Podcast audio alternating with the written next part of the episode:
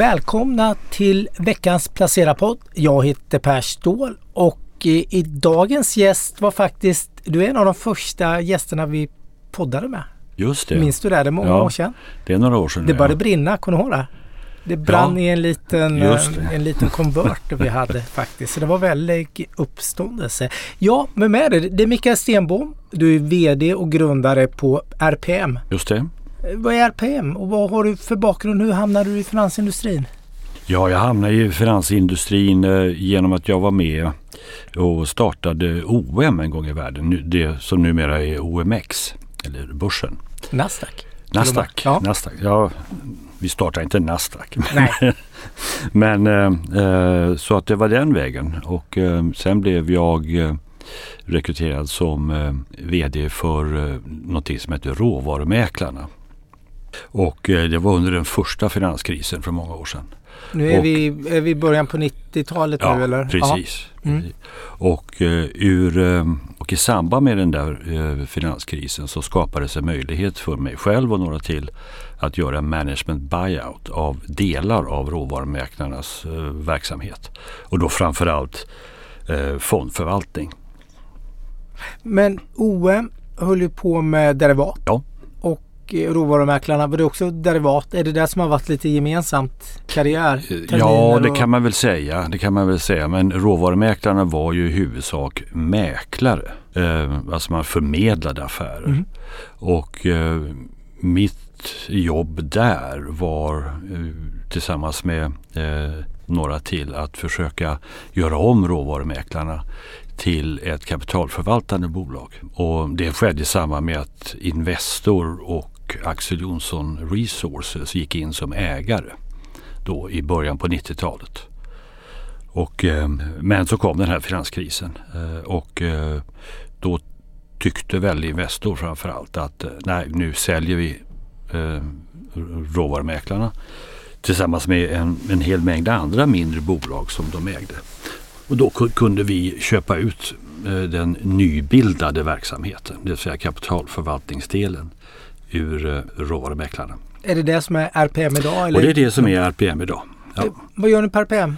Vi gör eh, två saker. Det ena är att vi eh, bygger och förvaltar fonder som är baserade på eh, terminsförvaltning. Och det andra vi gör är att vi mäter och rapporterar risk för andra företag och förvaltare. Det kan vara investerare men det kan också vara förvaltare som vill ha eh, en riskanalys, daglig ofta. Om vi tittar på fondförvaltningen. För det är Mhm. så vi kom i kontakt för ett antal år sedan. Just det. Det är terminsbaserad fondförvaltning får man väl säga i grunden. Eh, Lite trendföljande. Nu får du Mm. rätta mig om jag svävar iväg alldeles för mycket. Ja, då. Eh, Men vad jag tänker på det, det är, ni hade ett jättebra fjolår. ja. Det var väldigt bra för trendföljande, terminsbaserad, den typen av hedgefonder som man får kanske eh, klassificera det som. Eh, jag fick jättemycket mejl under hela förra hösten. Det Mm. bara kom från privatsparare hela tiden för de, det var ju ett jättetufft år på börsen och eh, det var inte så många fonder som var upp överhuvudtaget. Och det, det känner lite, och nu börjar jag få lite mejl igen nu för nu har det varit lite sidlinjesspel med, med flera av fonderna då. Någon kanske är ner då. Hur ska man tänka som privatinvesterare investerare så man inte liksom hamnar fel i gungan? För jag känner att det är lätt att göra det. De här, den här typen av fonder uppmärksammas ju väldigt mycket. Skrivs väldigt mycket om när de går väldigt bra för de sticker ofta ut då. Mhm.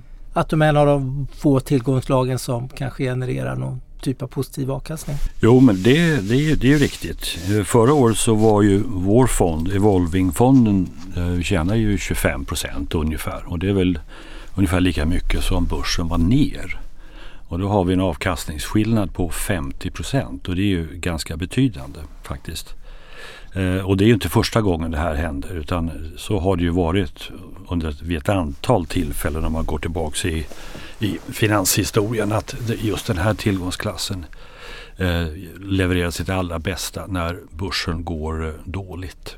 Men inte bara då naturligtvis utan nyckeln är nyckeln för att vår fond och, och egentligen alla som sysslar med systematisk i huvudsak terminsförvaltning.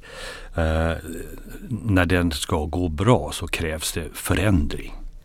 Det krävs alltså makroekonomisk förändring, omprissättningar av, av, eh, av eh, tillgångar. Eh, aktier, valutor, obligationer, råvaror. Och förra året då skedde det stora omprissättningar. Vilket då förklarar att eh, vi och så många andra hade väldigt stark avkastning. Ja, det blev en dramatisk eh, för inflationen som har varit borta under en extremt lång period. Det har varit mm. minusräntor hos centralbankerna. Eh, det vände ju, inte över en natt, men det vände ju väldigt kraftigt under, vad ska man säga, vintern och våren i fjol och fram till sommaren. Där. Ja, jag tror att folks, folk flest måste nog ha upplevt det som en, vad händer nu? alltså det var inte många månader sedan eh, en riksbankschef eller andra centralbankschefer sa att vi kommer att ha så här låga räntor under överskådlig framtid, vilket normalt betyder ett eller ett par, tre år. Eh, och så pang så hade vi en inflationskris. Så det gick ju väldigt, väldigt fort. Eh, och eh, ställde ju till en hel del för många traditionella investeringar, inte då minst aktier. Och nu ser vi också fastighetskrisen eh, som, som kommer som, en, som ett brev på posten här med, med eh, de höjda räntorna. Jag tänkte bara stanna lite här. Hur, ska man tänka då om man är privatsparare så man inte går på och handlar de här på toppen eller hur jag ska uttrycka mig. Har du någon regel eller känner du att ja, men det här kan man tänka på eller så här kan man tänka när det gäller den här typen av fonder så man inte kommer helt fel i gungan. Mm. Framförallt ett sätt är väl att vara långsiktig framförallt kan jag tänka mig. Och ha en investering på 3, 5, 7 år såklart. Ja, det tror jag. Eh, det är nog en bra, en bra första regel att man ska ha lite, en lite längre sikt. Eh, de som är verkligt inlästa och, och, har förståelse för tillgångsklassen kan naturligtvis ha, ha kortare tidshorisonter. Men normalt så brukar man tala 3 till 5 år. Men det finns en annan aspekt på det som vi har noterat genom åren och, och som gör oss eh, ja, lite ledsna kan man väl säga. Och det är det att vi har kunnat konstatera att, eh, just som du var inne på tidigare, att, att privatpersoner, privatplacerare har en mycket, mycket tydlig tendens att investera, kanske för första gången i, i den här tillgångsklassen, när vi befinner oss på en all time high eller någonstans nära en all time high. När vi har gått riktigt bra ett tag. Så att vi hade ju starka inflöden under, under förra året från privatpersoner som köpte när vi hade gått upp 25 procent eller mer. Och, eh, det där är inte så lyckosamt eftersom vår, vår kapitalförvaltning, vår tillgångsklass uppträder på ett annat sätt än vad börsen gör. När det gäller börsen som helhet så är det ofta så att det är, det är ganska klokt och, och lönsamt att så att säga hänga på. Man ser att börsen går upp och den kanske tar en ny, en ny högsta nivå och då har det faktiskt varit eh, ganska vettigt att, att eh, gå in i börsen. För att börsuppgångar tenderar att, att vara ganska långa. Det kan pågå, ja, som det gjorde här nu under eh, sen eh, finanskrisen så hade vi, har vi haft en, inte obruten, men en fantastisk börsutveckling under många, många år. Och börsen tenderar att gå upp under långa perioder och sen plötsligt så kan den då falla kraftigt. Eh, man brukar ju prata om att det är som att man går upp för trapporna och sen så faller man genom fönstret. Och eh, med oss så är det lite grann precis tvärtom. Att eh, det är våra uppgångar tenderar att vara väldigt snabba. Uppgångarna eh, är inte eh, över år utan det kan ske över några månader så når vår bransch, vår industri nya all time highs. Och sen normalt så följs det av en lång tråkig period med kanske initialt en, en, en nedgång som känns lite eh, och sen så en, en eh, längre period, månadslång eller halvårslång period med ingenting. I väntan på nästa period när, när världen ska prisa om sig själv, när någonting händer och eh, priser förändras på, på bred front. Så det som är, kan vara en klok strategi på börsen har visat sig vara en inte så klok strategi hos oss. Att köpa billigt och sälja dyrt är mycket, mycket viktigare hos oss än, än, eh, än vad det är på börsen. Just på grund av de här skillnaderna. Och eh, i vårt fall så är det så att, att eh, eh väntevärdena, alltså vad, vilken avkastning kan man förvänta sig eh, på säg tre år, års sikt. Där, där skiljer det sig dramatiskt mellan om man har köpt i närheten av en all time high eller när man har köpt eller investerat när, när, eh, när eh, fonden har gått ner. Om en bit det brukar vi säga, det är väl ungefär en halv standardavvikelse eller mer.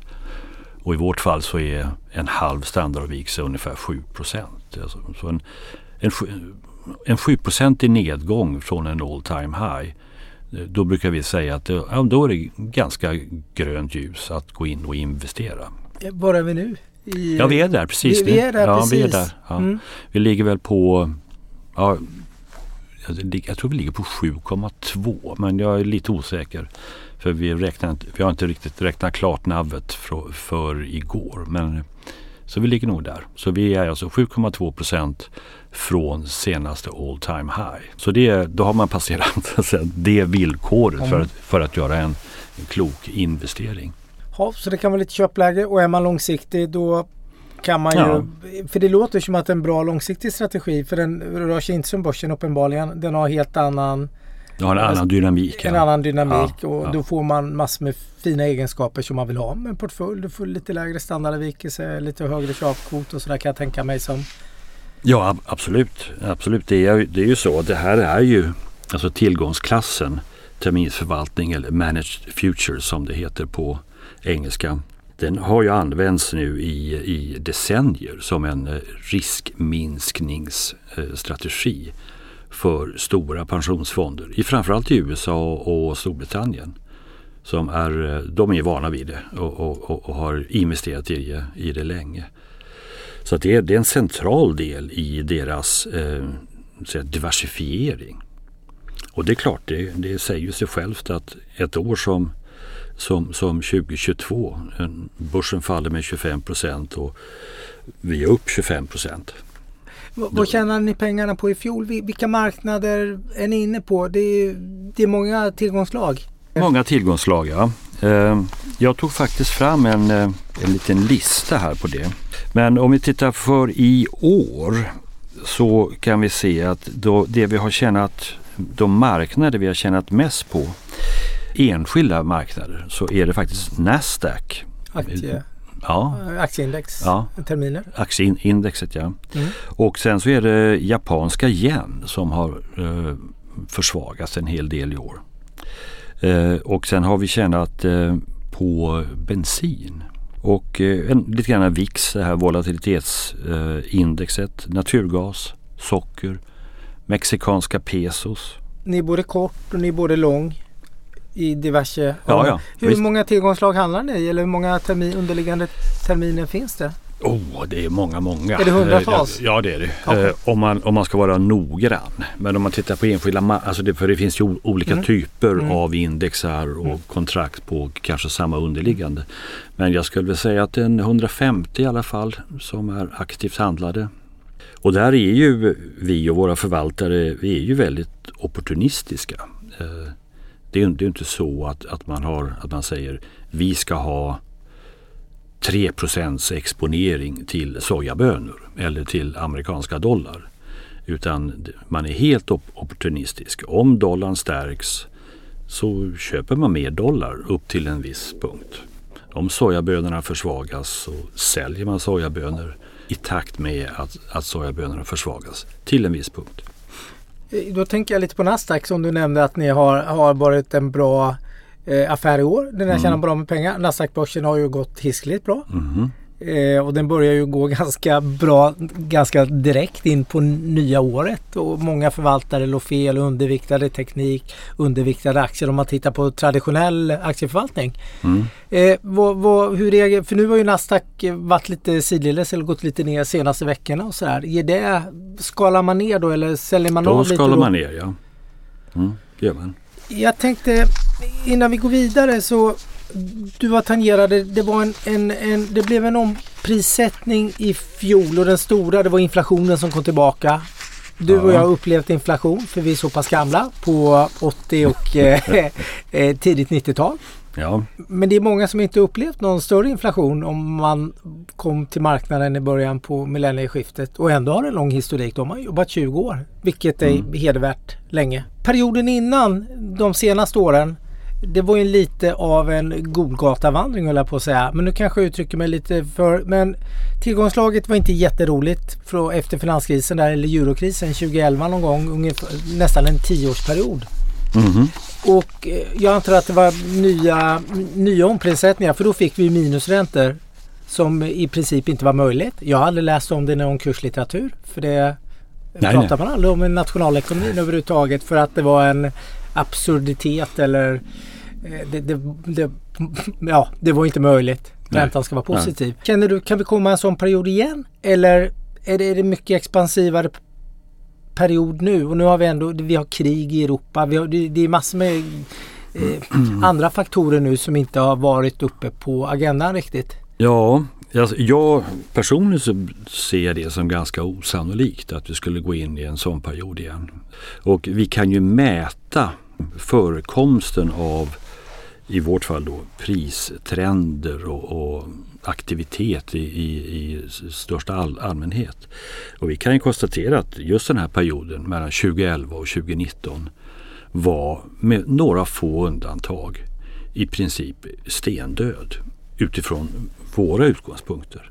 Det som skedde på marknaderna, återigen med några få undantag, var ju i huvudsak att börsen steg och att fastighetspriser steg. Men det var också det enda. Om man tittar på råvarusektorn nu, nu, säger jag med några få undantag för sista gången. Men tittar man på, på, på råvarusektorn så var den, eh, ja, den var sovande. Och det gällde många, många an, andra marknader också. Och det är ganska belysande. Jag tittar på, jag tittar på det finns ett eh, branschindex som heter B-top 50 som är alltså ungefär som ett börsindex men som består av de 25 tror jag det är största förvaltarna i, i, eh, i, inom terminsförvaltning in, internationellt. Och under de 19 åren som var mellan 1992 och 2010 så, så eh, var den genomsnittliga årsavkastningen 7 från, från detta index med en volatilitet på uh, ungefär 8 procent. Uh, så att, och det, om, om, man skulle då jämföra det med börsen så är det alltså en årsavkastning med kanske 13-14 procent. Uh, alltså med samma risktagande. Och sen hade vi de här, de här nio åren av Golgatavandring då, som du nämnde. Och där var då avkastningen under de här nio åren nästan noll. Den var positiv men det var, det var med det var med skohorn man fick upp avkastningen över nollan under de nio åren. Under de nio åren så hände det en, en, en del saker. Det var uppgångar och det var nedgångar men nettot över de nio åren var eh, i det närmaste noll. Och nu sen eh, 2019, 2020, 21, 22, 23 så ligger, vi nu, ligger indexet på en årsavkastning på 8 procent. Vilket är, är det, skulle du säga att det är lite av det historiska snittet eller? Ja, jag, det ligger i alla fall närmare. Är det rimligt att ja. tänka 7-8 procent? Ja. Nu var ju förra året väldigt speciellt med, med de enorma förändringar som, som skedde. Så att vi kanske inte ska räkna med, med att vi ska ha en årsavkastning i industrin som helhet på 8 procent till en volatilitet på 8 Jag tror det, det är nog sikta för högt utan jag tror nog snarare att vi kanske kommer ner mot en 7, 6, 7 procent med det mera långsiktiga. Men det här är ju till låg volatilitet och, och, så att i vårt fall så siktar ju vi siktar ju lite högre då i och med att vi har en högre volatilitet. Vi försöker ha samma risktagande i vår tillgångsklass som man har på börsen. Jätteintressant att höra. Jag tänker på en annan intressant trend. Jag pratade ju att eh, Nasdaq var en het trend i år. En väldigt kortsiktig trend uppenbarligen som är drivet mycket av AI. Men en trend som har varit jättestor under väldigt många år. Det är ESG. Mm, ja, ja. Mm. Eh, lite, det har varit väldigt hett inom, inom fondvärlden att eh, fonderna ska vara hållbara, ESG-anpassade. Hur fungerar ESG med en terminshandlad fond? Hur lirar det? Ja, tvärtom vad många människor spontant tror så lirar det fantastiskt bra. Därför att det som är, många människor tror jag har en uppfattning om att när att terminshandel handlar om att köpa och sälja eller köpa eller blanka fysiska saker. Att man träder in som ägare till ett aktieindex eller till en, till en råvara. Olja eller koppar eller eh, vete eller vad det nu kan vara.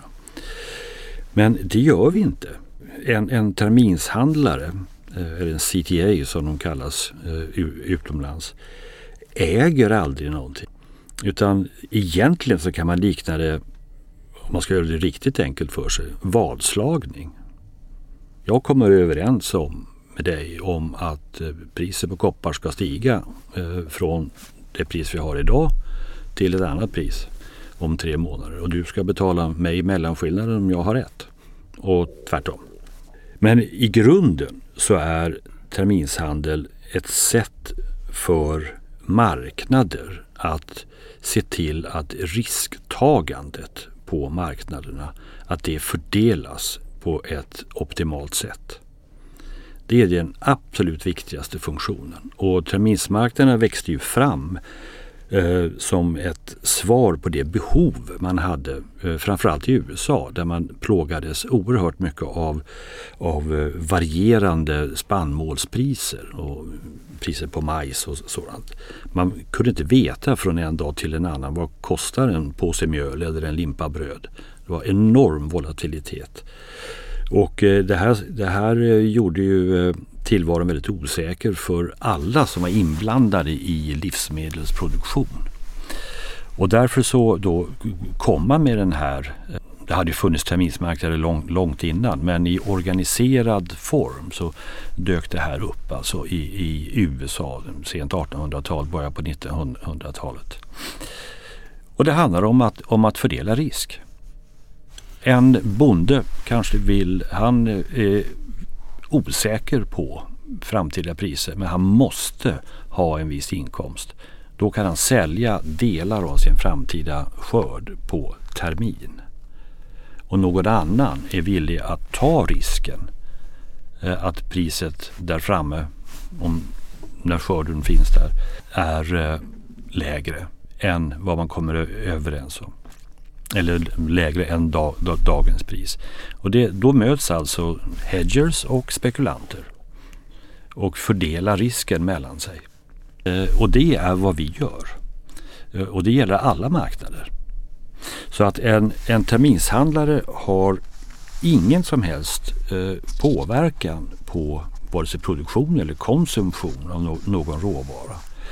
Och en terminshandlare har heller ingen, ingen, eh, inga rättigheter att eh, påverka en producent eller en, en, en eh, konsument av en, en råvara har ingen rösträtt, har, har inga aktier, kan inte utöva den typen av inflytande. Har heller ingen relation med någon identifierbar producent eller konsument.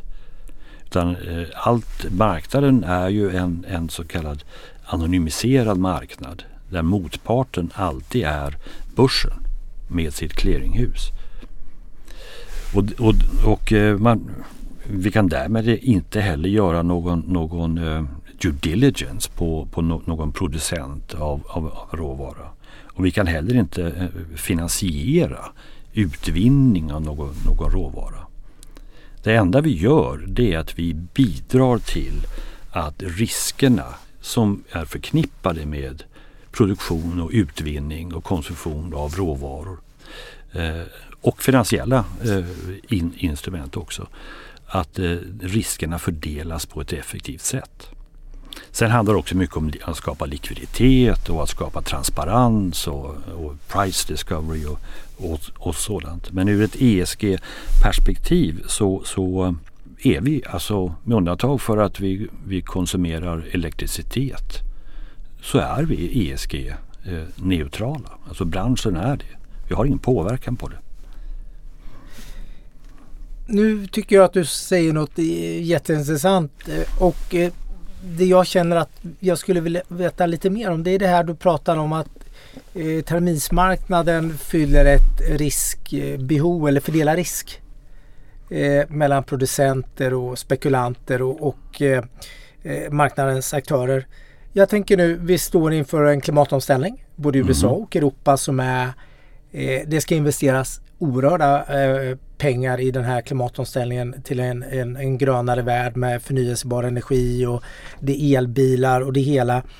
Eh, vi, vilket eh, gör att pratas väldigt mycket om nya metaller och mineraler. Eller de är inte nya men eh, det är mycket större behov av eh, alltså litium. Jag hörde inte att någon pratade litium för tio år sedan och idag är det en självklarhet. Kommer det nya kontrakt? För ni behövs väl även på de här nya mineral och metaller som litium, eh, kobolt, eh, jordartsmetaller, mangan. Mm. Det, det, det pratas ju om en helt annan metallflora eller mineralflora idag än vad det mm. gjorde om vi backar ja, till 2011 bara som du. Jo, de här basmetallerna och ädelmetallerna har ju funnits eh, terminskontrakt på eh, under många, många år. Och koppar, zink, bly och, och, och, så, och så ädelmetallerna guld, silver, palladium, platina och så. Eh, men på senare år så har det som sagt dykt upp fler och fler nya metaller. Litium är ett bra exempel. Där kommer då Chicago Mercantile Exchange eh, eh, nu att eh, lansera 7 juli tror jag nu eh, litiumterminer. Sen finns det många, många som handlas, eh, många lite mer okända metaller som eh, ja, molybden och gallium och sådana här saker som också är jätteviktiga i energiomställningen.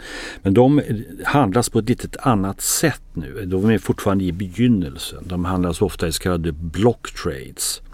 Där, där, eh, där, man kan, eh, där två aktörer kan överenskomma om köp eller försäljning på termin.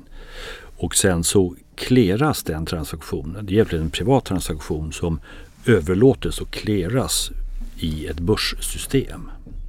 Så att man anonymiserar så att säga eh, överenskommelsen efter det att, att, att eh, affären är gjord. Så det händer väldigt mycket och det händer väldigt snabbt och det dyker upp nya aktörer nu. Och skälet till detta är ju enkelt. Det är just att det krävs enorma investeringar framdeles. Och för att de investeringarna ska bli av. Att folk, alltså investerare, aktörer ska våga ta riskerna med det. Därför är det så oerhört stora osäkerheter. Politiska osäkerheter eh, är väl kanske de allra största. Då måste det finnas ett effektivt sätt att skydda sig, att hedga sig, att eh, fördela risk. Och, och, det är bara en utveckling av de här gamla eh, terminsmarknaderna som kom, sprang från jordbrukssektorn. Det, det, är rätt spännande att följa det där faktiskt. Eh. Tror du litium kommer bli en stor, eh, vad ska man säga, väldigt likvid terminsmarknad exempelvis? Det skulle jag nog tro utan att, eh, alltså idag så är det, eh, är det ingenting som det skrivs om, litiumpriset. Men det finns idag, eh, det är ju en aktör som heter Fast Markets som nu levererar prisdata på icke börsnoterade råvaror över, över hela jorden och har metoder för att, för att bestämma det här priset. Så att det gäller ju tror jag om vi nu tänker oss att, att litium skulle, skulle handlas på en traditionell terminsmarknad, vilket den nu ska göra, Eh, så, så gäller det att så, få igång handeln eh, för att, så det blir tillräcklig likviditet för att den ska föda ytterligare likviditet. Det blir liksom att eh, du måste över en viss tröskel. Men jag tror det är nog många aktörer som har väldigt stort intresse för att eh, det ska bli så. Så i eran fond kan vi kanske tänka oss att om något år eller några år så kommer vi både kunna se litiumterminer och Det skulle jag tro. kobolt eller de, de Mm. här metaller och mineralerna som då får en stor och betydelsefull marknad. Vilket Absolut. verkar behövas.